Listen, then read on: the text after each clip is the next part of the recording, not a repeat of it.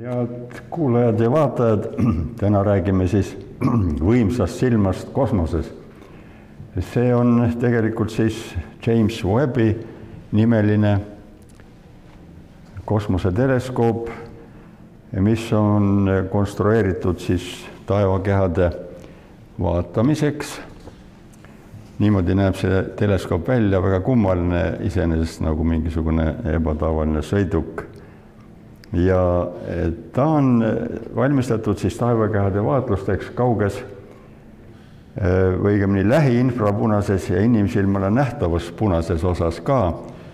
ja see vahemik on siis null koma kuus mikromeetrit, see on, mida inimsilm veel näeb punasena kuni kakskümmend kaheksa koma kolm, seda enam inimsilm ei näe ammugi mitte. siin on nüüd skeem selle kohta, kuidas see elektromagneetiline kiirgus atmosfääri läbib. alumine telg on siis, nagu te näete, laine pikkus. õigemini sealt tuleks näidata. nii. ja siis on näha see, see värviline ju pilt siin, see on siis see nähtav osa, te näete, kui väike see osa tegelikult see võtab kogu sellest spektrist ja, ja siis me näeme siin, et raadiolainetele, mis on üsna pikad, kümnest sentimeetrist kuni kümne meetrini, siin on täielik läbipaistvus. ja seal veel väiksemates lainepikkustes on ka võimalik igatahes vaatlusi teha. ja kohe tekib küsimus, et mispärast siis niisugune teleskoop tehti üldse, mis vaatab peaaegu enamasti sellises piirkonnas, kus inimsilm ei näe ja, ja milliseid taevakehi on võimalik selles piirkonnas vaadata. ja vastus on selline, et äh, arvati ikkagi vanasti, et, et see maailmaruum on täis siis tähti ja galaktikaid ja, ja veel üht-teist, aga üldiselt äh, ta peaks olema puhas, et ei tolmu ega midagi sellist ei ole aga, aga hiljem tuli välja, et seda tolmu on ikka kole palju ja nähtav valgus seda tolmu läbida ei saa, aga infrapunases või on võimalik läbi selle tolmu kaugeid taevakehi siiski näha. ja nende eksoplaneetide kiirgus on ka enamasti infrapunases, nii et sellega loodeti siis, kuidas öelda võimalik, et osutub võimalikuks tabada nii-öelda kaugeid noh, kas just sugulasi, aga, aga mine sa tea. ja see Webbi teleskoop võib muidugi vaadelda ka päiksesüsteemi objekte, aga siin on see vaateväli suhteliselt piiratud ja kohe me näeme, miks see niimoodi on. ja mis võib veel siis üldiselt selle teleskoobi kohta öelda, on see, et seda ehitamist juhatas NASA, ameeriklaste kosmoseorganisatsioon, aga ta ei olnud selles sugugi üksi. nimelt eh, Euroopa ja Kanada kosmoseagentuurid olid ka kaasatud ja projekteerimist juhtis tegelikult siis see Godardi kosmoselendude keskus.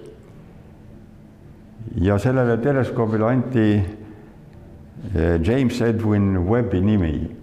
pärast ma räägin pikemalt, mis sellest järgnes aga esialgu läheme edasi. Mispärast tema nimi just, sellepärast et tema juhatas omal ajal seda NASA-t, tähendab, kui lasti, olid tegevuses Mercury, Gemini ja Apollo programmid, nii et kõik need programmid, mis valmistasid tegelikult ette teed siis kuule maandumiseks, siis oli tema see juhataja ja tegelikult teleskoop lasti üles Euroopa raketiga, sest ameeriklaste endil niisugust suurt raketti enam ei ole. see oli just jõuludes, jõulude ajal kakskümmend kakskümmend üks ja rakett oli Ariane viis ja lasti üles siis sealt, kus need Euroopa raketid kõik üles lähevad, kus meiegi see satelliit üles läks omal ajal. see on siis seal Guajanas, Kuru on konkreetselt selle koha nime ja siis jaanuaris kakskümmend kaks, see tähendab, et praktiliselt äh, tükk aega hiljem jõudis siis see teleskoop päikest orbiitlema Lagrange'i punktis L kaks, seda me vaatame ka natuke täpsemalt, mida need Lagrange'i punktid endast kujutavad ja see on, paikneb umbes üks poolteist miljonit kilomeetrit maast. Ja esimesed kujutised tulid juba juulikuus kahekümne teisel aastal, nii et üsna, üsna veidi aega tagasi. ja nüüd on niisugune lugu, et selle teleskoobiga, et kuna see teleskoop vaatab äh, infrapunases piirkonnas, siis ei tohi teleskoop äh, olla no nimetame soe sellepärast et soe teleskoop hakkaks ise ka kiirgama ja segaks selle vaatluse täielikult ära. sellepärast tuleb teleskoopi hoida miinus kahesaja kahekümne kolme kraadi Celsiuse juures. siis ainult ta ei sega enam, siis jääb see kiirgus niivõrd pikalaineliseks, et, et ja, ja nõrgaks, et see vaatlusi ei sega. ja siis on teleskoobil ka veel oluline osa korraks lasen tagasi selle näete, niisugune nagu vihmavari seal all, mille peal õieti see teleskoobi peegel siis paikneb. See on viiekihiline materjal, väga keeruline ja võrdlemisi hiljuti alles noh, kasutusele võetud ja see hoiab ära siis selle teleskoobi soojenemise päikese, maa ja kuu, isegi kuu kiirguse tõttu ja teleskoobi valmimise lugu on tüüpiline suurte projektide lugu. arvati, et me saame teleskoobi üles saata kahe tuhande seitsmendal aastal ühe miljardi Ameerika dollari eest. võtan näpust, nagu te näete, plaan oli selline, tegelikult oli selline. suured plaanid on enamasti kõik sellised, näiteks Rail Baltic tuleb veel hullem, ma kardan. nii, ja siis ta sai tegelikult ikkagi väga võimas. Ta on võimeline nägema objekte, mis on tekkinud umbes sada kaheksakümmend miljonit aastat pärast seda suurt pauku. ja teised praegused ei ole võimelised seda tegema. ja, ja siis tegelikult eh, juba sellel ajal hakkasid tekkima esimesed tähed, nii et ta peaks nagu neid kõige esimesi tähti ka nägema. ja, ja nüüd räägime siis sellest teleskoobi asukohast, Lagrange'i punktidest Need, nüüd tuleb üks definitsioon ja ma loen seda hästi aeglaselt ette. Lagrange'i punktid taevamehaanikas on tasakaalupunktid väikese massiga objektidele, nagu see meie teleskoop on, mis on kahe massiivse, see tähendab Maa ja Päikese, teineteise ümber tiirleva objekti gravitatsioonilise mõju all. ja kohe ma näitan ka seda pilti, näete, keskel on muidugi päike, sealtpoolt tuleb näidata, aga ma ei julge enam vajutada ma lähen siia lähemale ise. ja see on päike muidugi, see on maa, seal on kuu, mis tiirleb ümber selle ja see L2, näete, on maa taga. asi on selles, et nendes Lagrange'i punktides on päikese ja maa külgetõmbejõud võrdsed. see, sellepärast on võimalik siia, see on nagu tasakaalu koht ja ja tegelikult ta ei seisa siin paigal, vaid teeb sellise, selliseid tiire sinna, aga noh, sellest pole midagi. me suudame seda kõike kompenseerida, tähendab, ameeriklased suudavad. ja, ja siis eh, teleskoop jah, ei seisa seal päris paigal selles punktis, vaid ta liigub päris suurt eh, ellipsit mööda nii et äh, see kõver on umbes niimoodi, et ühtepidi on kakssada viiskümmend tuhat kilomeetrit ja teistpidi on ta kaheksasada kolmkümmend kaks tuhat kilomeetrit, nii et üsna suure ellipsi teeb, aga, aga ta kuskile mujale ei lähe. ja seda kõverat, mida mööda see teleskoop liigub, nimetatakse haloorbiidiks. noh, see ei ole eriti tähtis muidugi, mis ta nimi on aga siis teleskoopi on hoida, vaja hoida eemale, eks ole, sellest, et päikesekiirgust talle peale ei langeks ei maakiirgus, ei kuu kiirgus, kuu ka natukene kiirgab, õigemini peegeldab tegelikult päikesevalgust. nii et eh, see võib järsult muuta teleskoobi temperatuuri ja segamini lüüa kõik selle hoolika, hoolika tegevuse. ja aga samal ajal tuleb eh, seda teleskoopi hoida ikkagi niimoodi, et päikesevalgus patareidele langeks, muidu jääb teleskoop üsna ilma vooluta. ja nii, et eh, teleskoop peab olema maaga suhtes, nii nagu tänapäeva eesti keeles räägitakse. ja, ja samuti võib öelda seda, et mässamist on selle teleskoobi orienteerumisega üsna palju. nii, nüüd päevavarju kohta või õigemini selle, nojah, päevavarju kohta, mille peal see teleskoop nagu, nagu seisis. see koosneb, ma ütlesin juba, et ta koosneb viiest kihist, iga kiht on inimese juuksekarva paksune ja valmistunud ühest ainest, mille nimi on kapton E.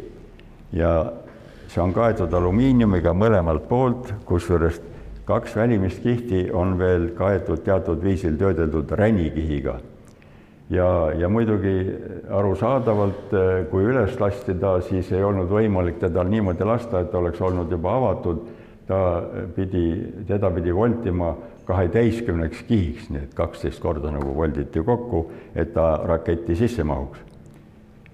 nii, ja nüüd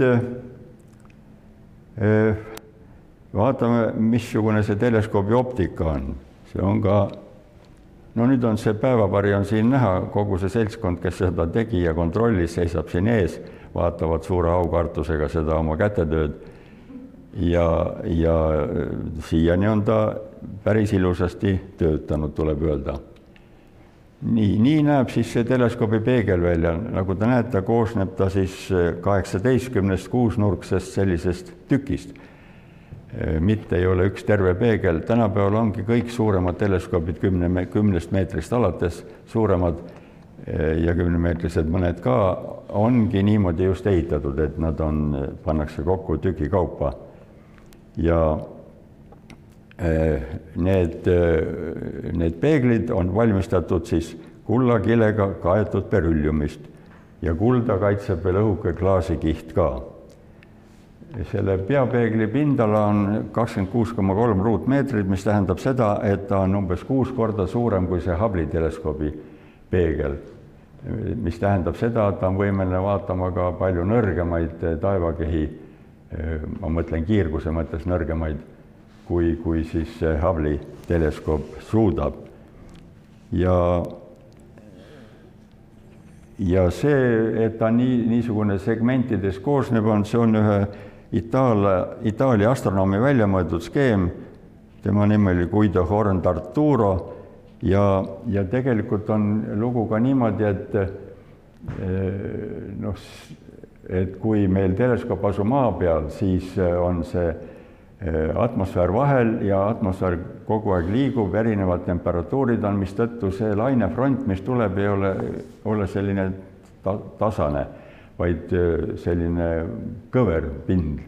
ja, ja siis äh, kasutatakse asjaolu, et need tänapäeva peeglid on väga õhukesed ja neid, äh, neid liigutavad all teatavad niisugused aktuaatoriteks nimetatakse, mis suudavad nagu liigutada seda peeglit üles-alla, siis neid, neid liigutatakse niimoodi, et see peegeldunud valgus oleks ikkagi siis selline, selle lainefront oleks tasane, siis saab korraliku korraliku pildi.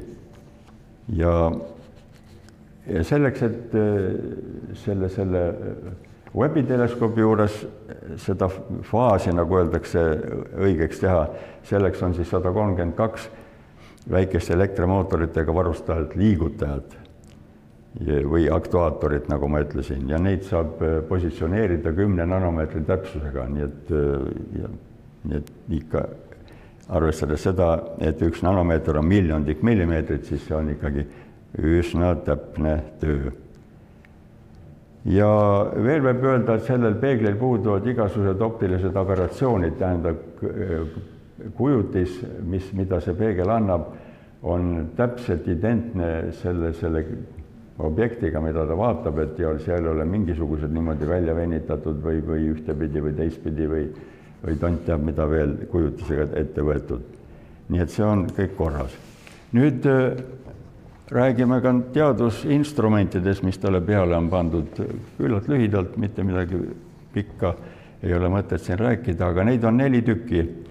kusjuures üks nendest on ka siis selle teleskoobi, nagu ma ütlesin, selle kujutise äh, tasa, tasaseks tegija, kasutatakse seda nirkkammi ka selleks see NIRCam on siis lähiinfrapunane, eks ole, ta pildistab ka lainepikkuste vahemikus null koma kuus kuni viis mikromeetrit, nii et üks ots on nähtavas piirkonnas. ja, ja siis järgmine on see kummalised nimed, NIRSPEC, lähiinfrapunane, ja see annab spektri tegelikult see, mitte pildi, nagu see NIRCam teeb ja selle, nagu te nägite, tegid eurooplased. Nii et said ikka midagi valmis ka. ja siis äh, Miri on, mis mõõdab, kõõdab. ma ise kogu aeg kritiseerin Postimeest, et seal igas lehes on mitu trükki viga, nüüd ütlen ise ka siin kiirgust vahemikus viis kuni kakskümmend seitse mikromeetrit, see on siis puhas juba infrapunane, seda inimsilmaga ei näe. Ja see on siis nagu kaamera, tähendab, temaga saab nii pilti kui ka spektrume, spektrit. see on väga oluline riist. ja siis see kolmas, mille nime ma parem lugema ei hakka, see on siis see peenjuhtimise sensor ja lähiinfrapunases on siis selle nähtava infrapunase kujutise moodustaja ja samuti ka piluta spektrograaf, nii et saadakse nii, praktiliselt peaaegu kõikidega saadakse pilt ja ka spekter. nii, nüüd kui me selle oleme läbi vaadanud, siis läheme edasi ja ja näitan veel korraks, mismoodi näeb välja üks nendest riistadest see on siis Nirspek, nii, niimoodi paistab, no jah, kaunis, kaunis, kaunis keeruline pilt. Aga midagi muidugi tarkamat tema kohta öelda ei oska. nii, nüüd vot see kast siis seal, mis selle, selle kollaka kile taga on, see on teenindusmoodul, see on tegelikult siis selle kui me vaatame, võtame nüüd selle, selle vihmavarju, nimetame ta vihmavarjuks, siis vihmavarju peal oli siis teleskoop ise ja vihmavarju all oli see teenindusmoodul. nii et teenindusmoodul oli kogu aeg ikkagi, no mitte kogu aeg, aga, aga päikese käes. tema, tema peale paistis. Ja see on siis mingisugusest grafiitkomposiidist valmistatud kast, noh, graf-, grafiitkomposiitis näiteks on vormel ühe autode kere tehtud ka, nii et äh, see ei olnud mingisugune eriline, eriline keeruline tegevus. Ja seal sees on arvutid nii sideks kui ka siis vaatluste töötlemiseks, vooluallikad, rakettmootorid ja igasugused veel niinimetatud strukturaalsed komponendid. ja see moodul töötab temperatuuril kakskümmend seitse kraadi, nii et paras niisugune suve suveilma temperatuuril. mass on kolmsada viiskümmend kilo ja ta peab hoidma töös siis teleskoopi, mis kaalub kuus koma kaks tonni. siiani on ta sellega väga hästi toime tulnud ka. Ta suudab teleskoopi suunata ühe kaaresekundi täpsusega, no see on väga suur, väga suur täpsus ja tal on ka kaks paari rakettmootoreid, sellepärast kui see teleskoop seal li niimoodi liigub siis on tarvis seda ikkagi hoida kindlas asendis ja suunata siis ka nendele objektidele, millest pilte või spektrit teha tahetakse. Ja neid rakettmootoreid kasutatakse kõigepealt selleks, et üleüldse sinna, sinna mm, L2 punkti saada, Lagrange'i punkti, ja, ja siis, et hiljem hoida teda õiges positsioonis ja noh, kui keegi tahab sellega vaadelda, kui keegi astronoom läbib selle kadalippu, et on avaldanud soovi mingisugust taevakeha lähemalt uurida, siis esitab ta siis oma soovi.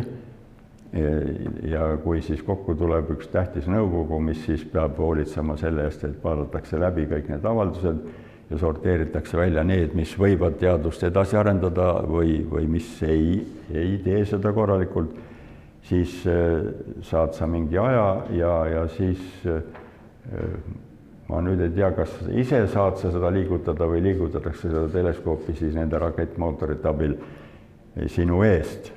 aga, aga siis veel on kaheksa väiksemat mootorit, need on siis selle teleskoobi väga täpseks suunamiseks, seal ei või tugevat kasutada, sest see lükkaks kõik minema.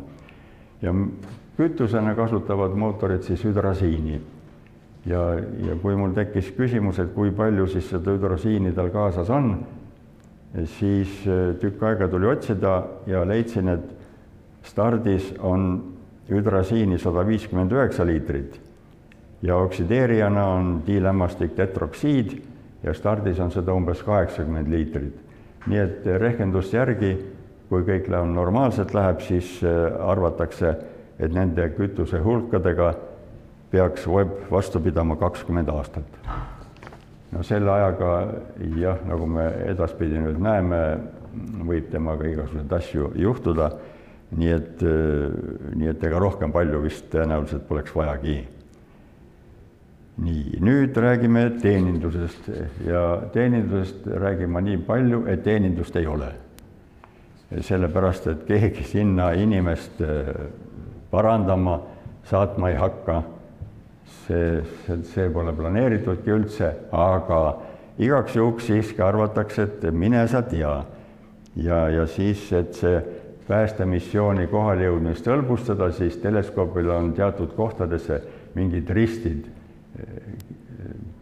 joonistatud selleks, et siis saaks orienteeruda ilmselt seal lähenemisel sellele teleskoobile, aga ma kardan, et seda, seda ei tehta ei, ei ole vist vaja ka. no ja siis äh, tarkvarast mõni sõna, äh, see on ka väga tähtis.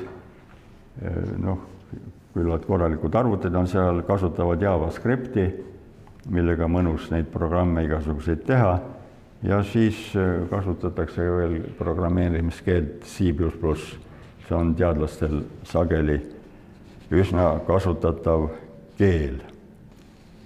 nii nüüd siis vaatame, mida on see teleskoop siiani saavutanud.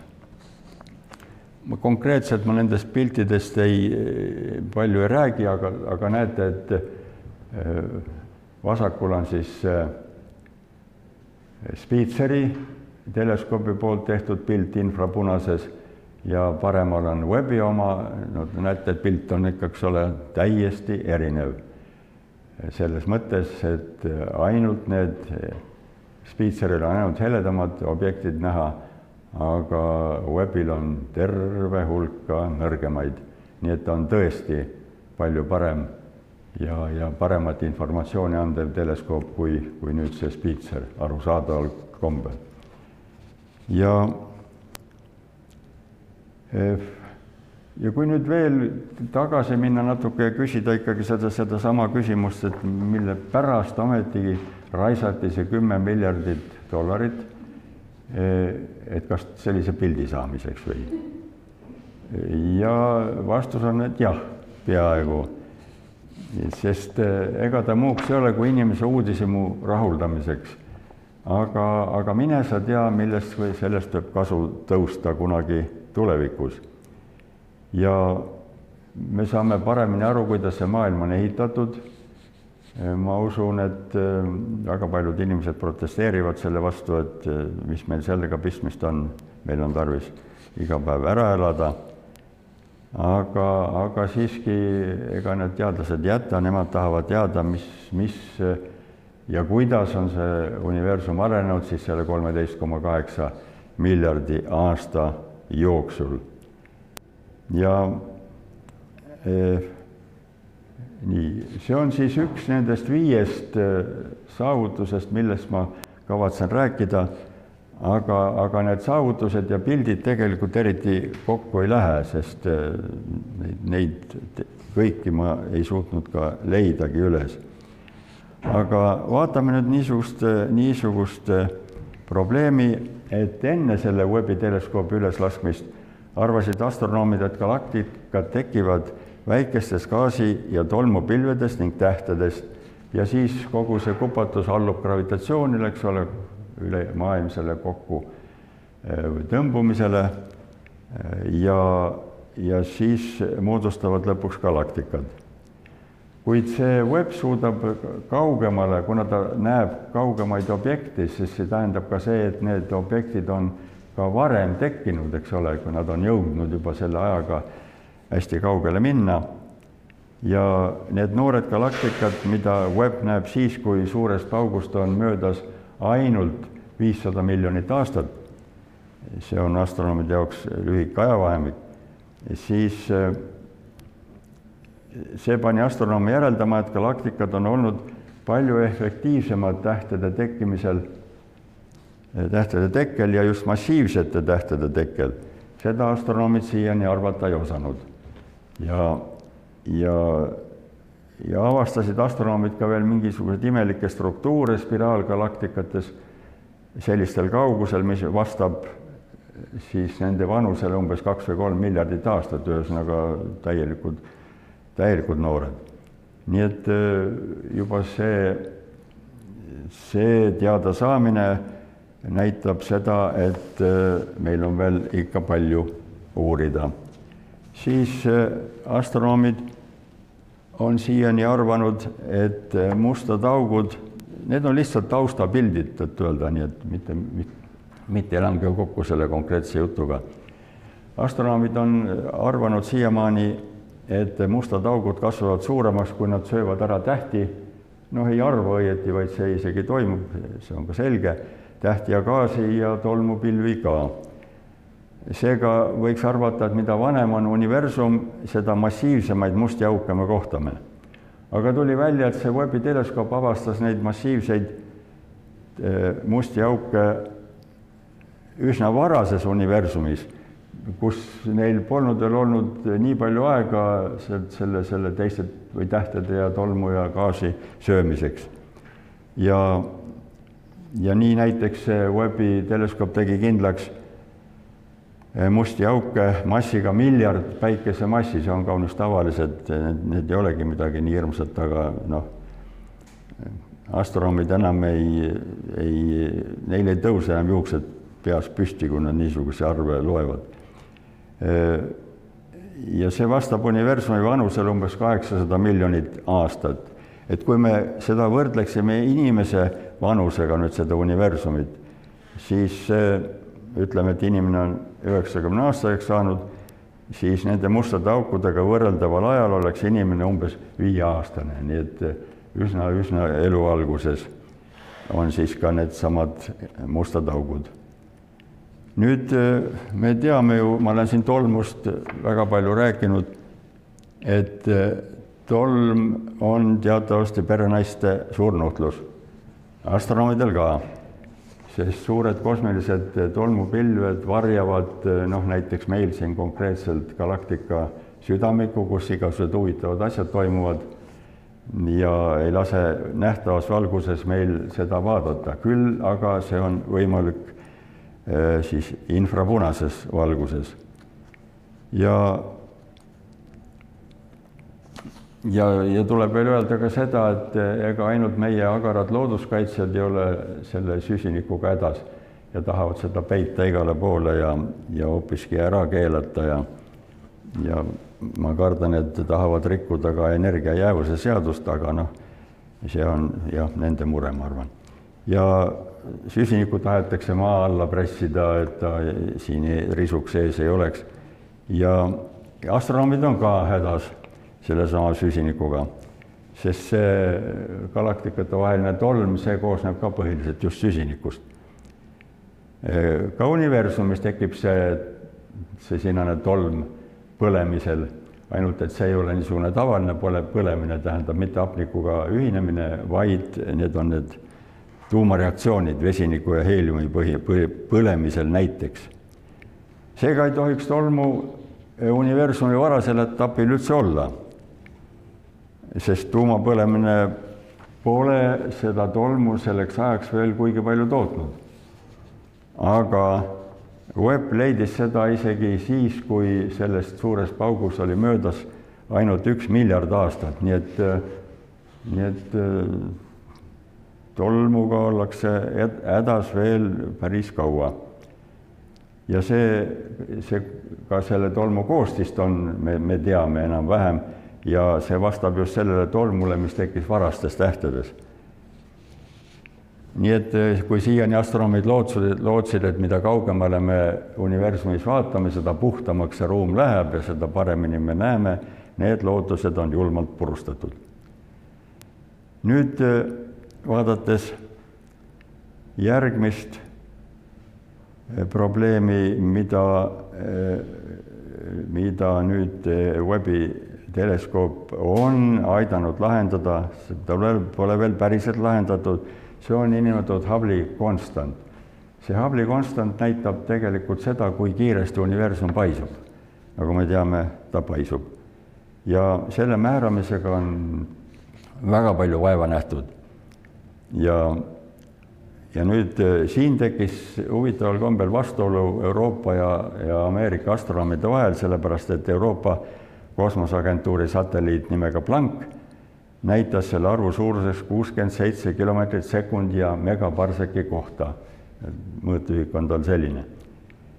aga kui Hubble'i teleskoobiga vaadati seda asja ja kontrolliti, siis sel arvu suuruseks saadi seitsekümmend kolm kilomeetrit sekundis megaparseki kohta. nii et ja nüüd paluti siis Webbi teleskoopil seda Hubble'i konstanti määrata ja kuna see Hubble'i teleskoop on ameeriklaste oma põhiliselt, siis loomulikult saadi see, see Hubble'i eh, konstant lähemana sellele ameeriklaste varem saadud suurusele seitsekümmend kolm kilomeetrit sekundis megaparseki kohta. miks see nii on, nii on, seda keegi ei tea, praegu eh, suur vaidlus käib igatahes üle Atlandi ookeani siiamaani. ja ja siis äh, veel see viimane asi, mida äh, on aidanud Webbi teleskoop lahendada, mitte küll viimane, vaid minu ettekandes viimane, on, on see, et teatavasti tähed tekivad gaasi ja tolmu pilvedes, mis, mis on iseenesest kurb, nad oleks võinud lihtsalt gaasis tekkida, siis me oleksime seda protsessi paremini näinud, aga kui tolm ka mängus on, siis see tähendab, et me seda tähtede tekkimise protsessi korralikult jälgida ei saa. ja kuid, kuid nüüd, kui web on üleval ja vaatleb, siis tema suudab seda siiski teha, läbi tolmu vaadelda ja ta ongi avastanud tuhandeid noori tähti Kotka udukogus. see peaks, siin peakski olema neid noori tähti palju, aga millised nad on, seda ma teile küll ei oska öelda. Nad on sügaval udukogu sees mida Hubble näha ei suutnud muidugi, sest ta ei olnud võimeline infra, kauges infrapunases vaatama. ja siis seal maakandja kompleksis, eh, tähtkuju maakandja kompleksis on avastatud kümneid noori tähti ja ainejugasid, mis neist väljuvad ja valgustavad ümbrust, nii et äh, siin on veel palju tegemist Nonii, nüüd äh, jätame selle teaduse selleks korraks maha ja läheme Webbi teleskoobi nime kallale. ma lubasin, et, et räägime sellest rohkem.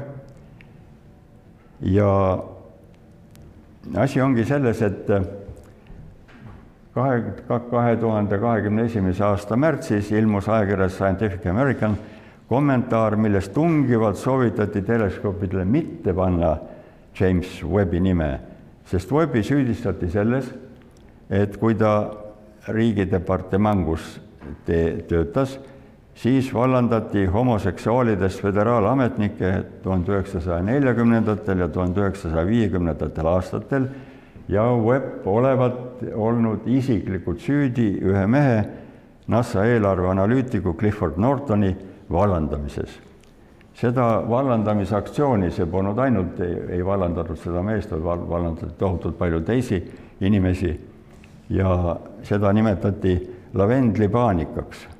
ja kui nüüd seda vaadata, siis eh, võiks öelda, et see oli üsna häbiväärne peatükk Ameerika rahva ajaloos, algas neljakümnendatel, kestis kaks aastakümmet vähemalt ja see puudutas viit tuhandet kuni kümmet tuhandet föderaalametnikku, kes olid uurimise all ja keda kuulati üle ja kes kaotasid oma töö ainult sellepärast, kes nad olid ja keda nad armastasid. nii et, äh, nii et niisugune, niisugune lugu ja teleskoopi ümber nimetamise soovijad vihjasid Nortoni nimele ja esitasid selle äh, nende oma arvamuse sündinud fakti pähe kuid siis võttis äh, riigidepartement ette hoolika uurimise, vaadati läbi viiskümmend tuhat dokumenti ja leiti, et äh, see väide on vale. James Webb ei valla, vallandanud ühtegi inimest ja, ja siis äh, ja tema kedagi ka taga ei kiusanud ja selle tulemuse kuulutas välja riikliku mustade füüsikute seltsi president Hakim Olusei. mustade, noh, see tähendab, et ma, ma ei saa öelda, keda ma silmas pean. aga, aga imelik on see, et mina ei ole kuulnud valgete füüsikute seltsist mitte midagi. see on juba kahtlane, ma ütleksin. Nad, see võib muidugi olla NASA teatas siis äh, kolmekümnendal septembril kaks tuhat kakskümmend üks, et teleskoobi nime ei muudeta. ja äh, siis oktoobrikuus kaks tuhat kakskümmend kaks ärkas ka Kuninglik Astronoomia Selts, kes oli väitnud, et nemad ei kasuta teleskoobi nime, Webbi nime äh, enne, kui uurimine pole lõpetatud ja tulemus avalikustatud ja, ja kui need viiskümmend tuhat dokumenti olid läbi uuritud ja mingit märki ei leitud, et Webb oleks süüdi olnud, alles siis võtsid inglased oma ähvarduse tagasi. ja lubasid Webbi nime teleskoobile panna. nüüd äh, veel lõpetuseks ma jätsin veel eriti sellise, kuidas öelda, mahlase loo, äh, mille pealkiri on Mikrometeoroid tabas teleskoopi. see oli siis kaheksandal juunil kaks tuhat kakskümmend kaks et koiliblika suurune planeetidevahelise tolmu osake tabas Webbi peapeegli välimise ringi segmenti kahekümne kolmanda ja kahekümne viienda mai vahel. ja see oli tegelikult juba viies tabamus. ja asi oli veel hullem. nii, nii et tegelikult eh, pärast tehti üks koosolek ja siis selgus, et selleks ajaks oli juba neliteist mikrometeoroidi tabanud ma rumala peaga hakkasin otsima, et kus kohas see pilt on, kui see peegli sees auk on, aga siis saan aru, et seda ju ei ole, sellepärast et seda ei ole võimalik teha. ja, ja siis osak oli muidugi väike, mis see tolmuliblikas või koiliblikas pole ju kuigi suur, aga tabamus oli siiski nii tugev, sest kiirus oli, on seal juba väga suured ja see muutis selle segmendi asendit ja insenerid pärast seda teleskoobi asendit või õigemini selle peegli asendit kohendama, kasutades neid samu aktuaatoreid, millest ma rääkisin. ja hoolimata sellest tabamusest kandis, äh, raporteeris NASA käsi kõrva ääres, et teleskoobi kõik vaatlusriistade töörežiimid on üle vaadatud ja töökorras alates kümnendast juulist kaks tuhat kakskümmend kaks. siis kutsuti kokkugi see töörühm, kes siis äh, mõtles ja vaatas ja uuris kõik need optika ja mikrometeoride asjatundjad ja konstateeriti, et nagu ma ütlesin, et juba neliteist tükki on tabanud, aga kõik need põrked jäid sellesse vahemikku, mida juba üleslaskmisel arvestati, sellepärast et ega keegi ei lootnudki, et seal see ruum täiesti tühi on ja, ja me pääseme eh, puhtalt, ühesõnaga, et ühtegi tabamust ei ole. ja siis eh, töörühm siis otsustas, et alates teleskoobi teisest tööaastast kasutatakse teleskoobi nii, et teleskoop vaatab vastupidises suunas niinimetatud mikrometeoroidide vältimise tsoonile. see on üks niisugune, niisugune suund, kus neid eh, on suhteliselt vähe ja et hakkab, hakkab siis eh, sellele suunale, vastupidises suunas eh, töötama ja see aitab vähendada ka põrke mõju, aga samal ajal see vältimise piirkond vaatlemata ikkagi ei jää. nii, nii et äh, nüüd äh, tuleb mul öelda, et see on nüüd, see oli kaunis kokkuvõtlik ja selline ülevaade James Webbi teleskoobist, mis tegelikult on juba, nagu te olete, saite aru, ma loodan, et te saite aru Eh, et ta on näidanud juba oma võimsust ja, ja väga võimsalt oma võimsust näidanud, kuid usutavasti on selle teleskoobi paremad päevad veel ees, vähemalt enne seda, kui need mikrometeoroidid ta päris ribadeks teevad. nii, tänan tähelepanu eest